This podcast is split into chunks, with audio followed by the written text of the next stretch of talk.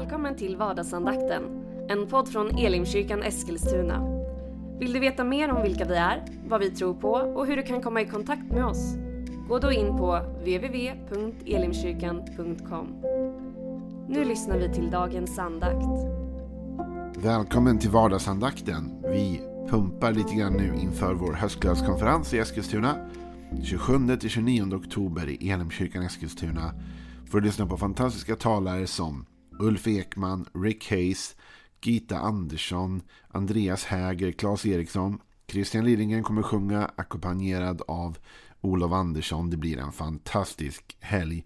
Gå in och läs mer på antingen elimkyrkan.com eller hostglodskonferensen.se. Vi håller på att läsa psalm 34. Och eh, den har ju handlat om hur David har blivit räddad ur olika svåra situationer. Där han fick vända sig till Gud och Gud hörde honom. Han har varit på rymmen undan en som heter Saul och han har också kommit inför en kung som heter Abimelek och behövde ta sig ur den kluriga situationen. Så han har hela tiden fått vända sig till Gud och be om hjälp. Och då när vi har kommit fram till vers 18 så står det så här. De rättfärdiga ropar och Herren hör. Han räddar dem ur all deras nöd. Det här är ett återkommande tema i Saltaren. Det här är inte enda gången som David uttrycker detta. Utan om du läser igenom Saltaren kommer du se att många gånger i den boken så uttrycker David att han ropar till Gud. Och att Gud hörde hans bön. Och att Gud hjälpte honom ur diverse olika svåra situationer och sammanhang. De rättfärdiga ropar och Herren hör.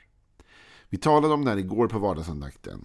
Att den rättfärdige är inte den som gör allting rätt.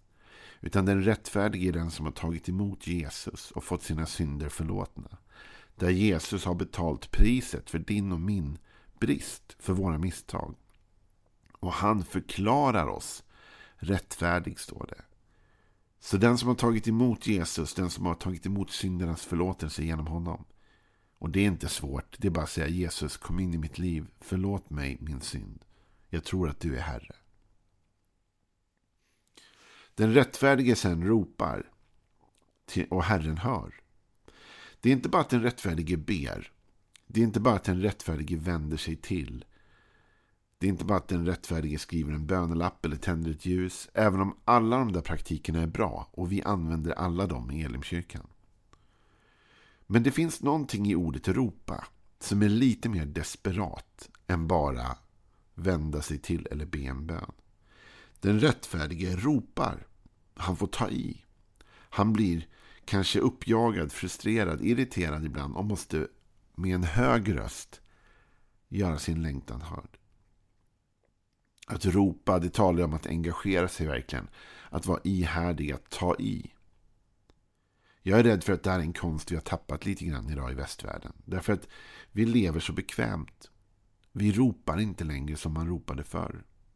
Jag tror att en av anledningarna till att vi ibland ser mer mirakel i andra delar av världen, kanske än i vår, kan vara att det finns en större desperation. När du och jag mår dåligt, då går vi till läkaren och ringer fel med det. Det är precis vad vi ska göra. Men i många fattiga länder så kan det vara så att det inte finns en läkare att gå till. Det finns ingen att vända sig till. Eller här, om vi får ont om pengar eller annat händer så finns det kanske någon vi kan vända oss till. Människor, sociala institutioner och så vidare. Men det finns länder som inte har något socialt skyddsnät. Och det finns länder som inte har... Din granne har inte heller några pengar. Ingen har pengar. Och då man, måste man ropa till Gud. Och ropet blir desperatare och desperatare såklart ju allvarligare situationen är. Jag skulle önska ibland att du och jag övade oss lite mer i detta att ropa till Gud. Att verkligen vända oss med en sorts intensitet till honom. Han uppmanar oss ofta till det. Jesus sa att vi skulle bulta på dörren så att den ska öppnas. Bulta är också ett ganska intensivt ord. Så du och jag får ropa till Gud. I en av profetböckerna så säger Gud just så. Ropa till mig och jag ska visa er hemligheter. Är du och jag desperata nog i vår bön? Jag kan lova dig att när David rymde från Saul där så var han desperat i sin bön.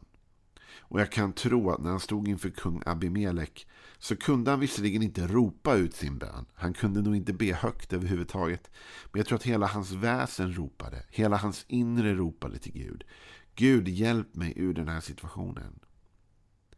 Du och jag får inte bli så bekväma att vi inte ropar längre. Vi måste ropa till Gud. Ibland måste vi hamna i de här situationerna där vi säger Gud, om inte du hjälper mig nu så vet jag inte vad. Och så får vi ropa ut vårt rop.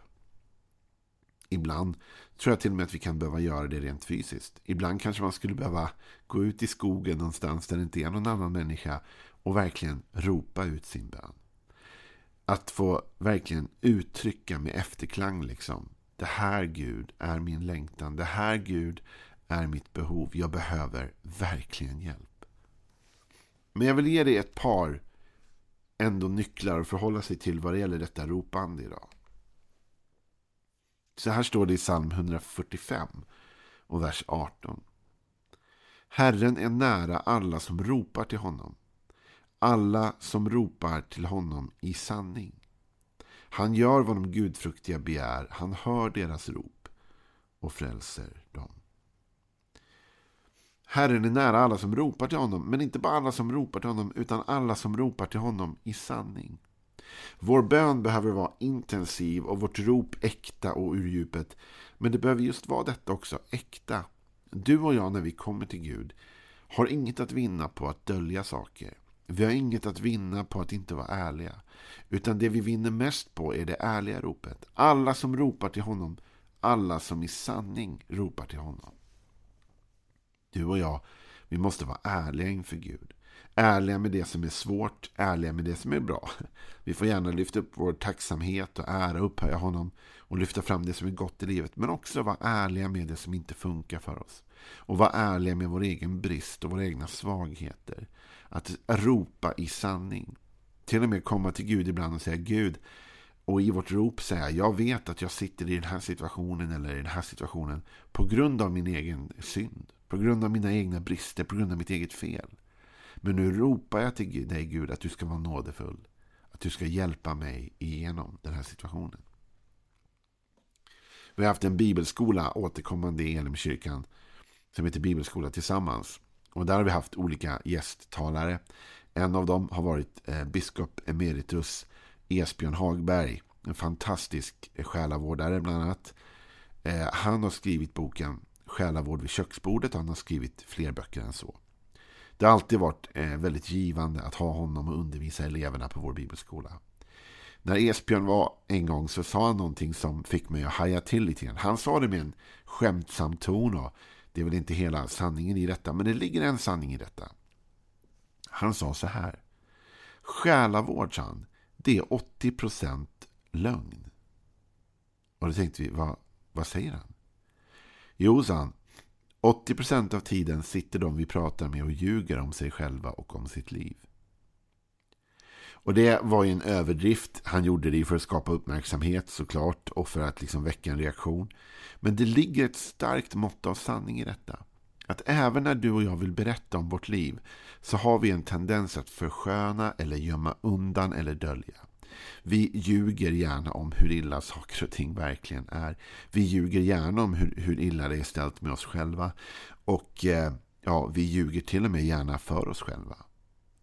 Ibland är det inte ens så att vi medvetet vill ljuga för den vi talar med. Ibland är det bara så att vi vill inte tala sanning för oss själva. Vi vill inte erkänna hur illa ställt det är med vårt hjärta eller hur illa ställt det är med vårt liv. Men om vårt rop ska ha någon effekt upp gentemot Gud så kräver han ärlighet i vårt rop. Han säger rop alla som ropar till mig. I sanning ropar till mig. Så du och jag, vi vinner ingenting på att komma med ursäkter till Gud. Eller lura honom, försöka låtsas som att det inte är så illa som det är. Eller, för det är så illa som det är. Och vet du vad? Gud vet om det. Gud vet allt du har att säga till honom redan innan du har kommit dit. Han har full koll. Så det ena den här salmen talar om är att vara ärlig. Men den säger också något mer. I psalm 145 stod det att Herren var nära alla som ropar till honom i sanning. Men i vers 19 står det också han gör vad de gudfruktiga begär. Han hör deras rop och frälser dem. Han gör vad de gudfruktiga begär. Ibland så brukar vi säga så här när vi talar till folk att du kan inte bara liksom styra över Gud eller bestämma saker. Och det är på ett sätt sant och riktigt. Men vi måste också ha en viss balans i den här diskussionen därför att i viss mån kan vi påverka Gud. Bibeln säger här att Gud gör vad de gudfruktiga begär. Så du och jag har rätten att också begära saker av Gud. Det har vi därför vi är förbund med Gud. Så Gud har rätt att begära saker av oss och vi har rätt att begära saker av honom. Om vi nu har ingått förbund genom att ta emot Jesus Kristus som vår Herre. Jag vill ta med dig till ett bibelord där det här ropet blir väldigt tydligt. Det står i Markus 10, vers 46 så här. De kom fram till Jeriko och när Jesus lämnade Jeriko med sina lärjungar och en stor folkskara satt en blind tiggare vid vägen, Bartimeus, son till Timeus. När han fick höra att det var Jesus från Nasaret som kom började han ropa Jesus, Davids son, förbarma dig över mig. Många sa åt honom strängt att vara tyst, men han ropade bara ännu högre. Davids son, förbarma dig över mig. Jesus stannade och sa, kalla hit honom. De gjorde det och han sa till den blinde, lugn, eller de sa till den blinde, lugn, res dig, han kallar på dig. Då kastade mannen av sig manteln, hoppade upp och kom fram till Jesus. Och Jesus frågade honom, vad vill du att jag ska göra för dig? Den blinde sa, Rabuni, gör så att jag kan se igen. Jesus sa, gå, gå, din tro har frälst dig. Och genast fick han sin syn och följde Jesus på vägen. Jag gillar detta. När han fick höra att det var Jesus från Nasaret som kom började han ropa. Han börjar ropa. Och han fortsätter att ropa. Trots att folk säger åt honom att vara tyst. Han ropade bara, inte bara en gång, han ropade upprepade gånger. Jag skriver om det här i min bok Tio liv. Därför att det varit en sån uppenbarelse för mig att det är ett kontinuerligt rop. Det står att han börjar ropa. Och så försöker folk tysta ner honom för de tycker att han är för högljudd och han stör och allt vad det är. Och då ropar han ännu högre. Han vägrar ge upp. Han är så intensiv i sitt rop, i sitt kall efter Gud. Och när Jesus till slut säger men ta hit honom. Då säger lärjungarna ändå åt honom var lite lugn nu hörru. typ så. Och han struntar i det. Han hoppar upp, han springer fram till Jesus. Han bryr sig inte om vad folk tycker. Han är desperat efter att få nå fram till Jesus. När han når fram så får han också sitt helande. Jesus kommer med frågan, vad vill du att jag ska göra för dig? Och mannen kommer med sin begäran. Jag gör så att jag kan se igen. Och Jesus botar mannen. Du och jag, vi får inte sluta ropa. Vi måste börja och vi måste vara ihärdiga. Och vi måste vara intensiva i vår bön. En ärlig bön, men en bön som har en tydlig längtan, som har ett, begär med, ett begärande med sig. Gud, detta är det jag ber om. Och jag ger inte upp förrän du har hört min bön.